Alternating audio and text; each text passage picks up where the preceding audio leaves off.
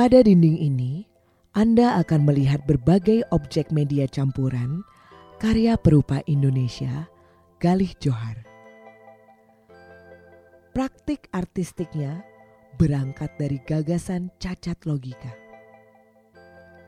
Dengan selera humor yang jenaka, ia memanipulasi persepsi audiens terhadap objek sehari-hari, mengubahnya menjadi sesuatu yang sama sekali tidak terduga. Dalam seri Tosan Eji, ia menciptakan parodi dari kerajinan yang diasosiasikan dengan pekerjaan empu atau pandai besi tradisional yang menempa keris dan benda-benda pusaka lainnya.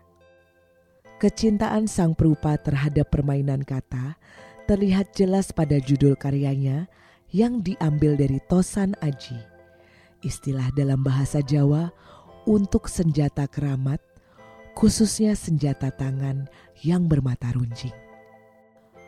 Lelucon Galih membongkar nilai sakral dari benda-benda pusaka.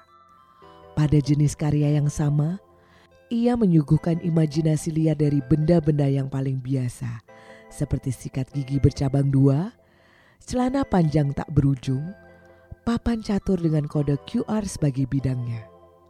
Ketahanan humor dan leluconnya berbanding lurus dengan produktivitasnya.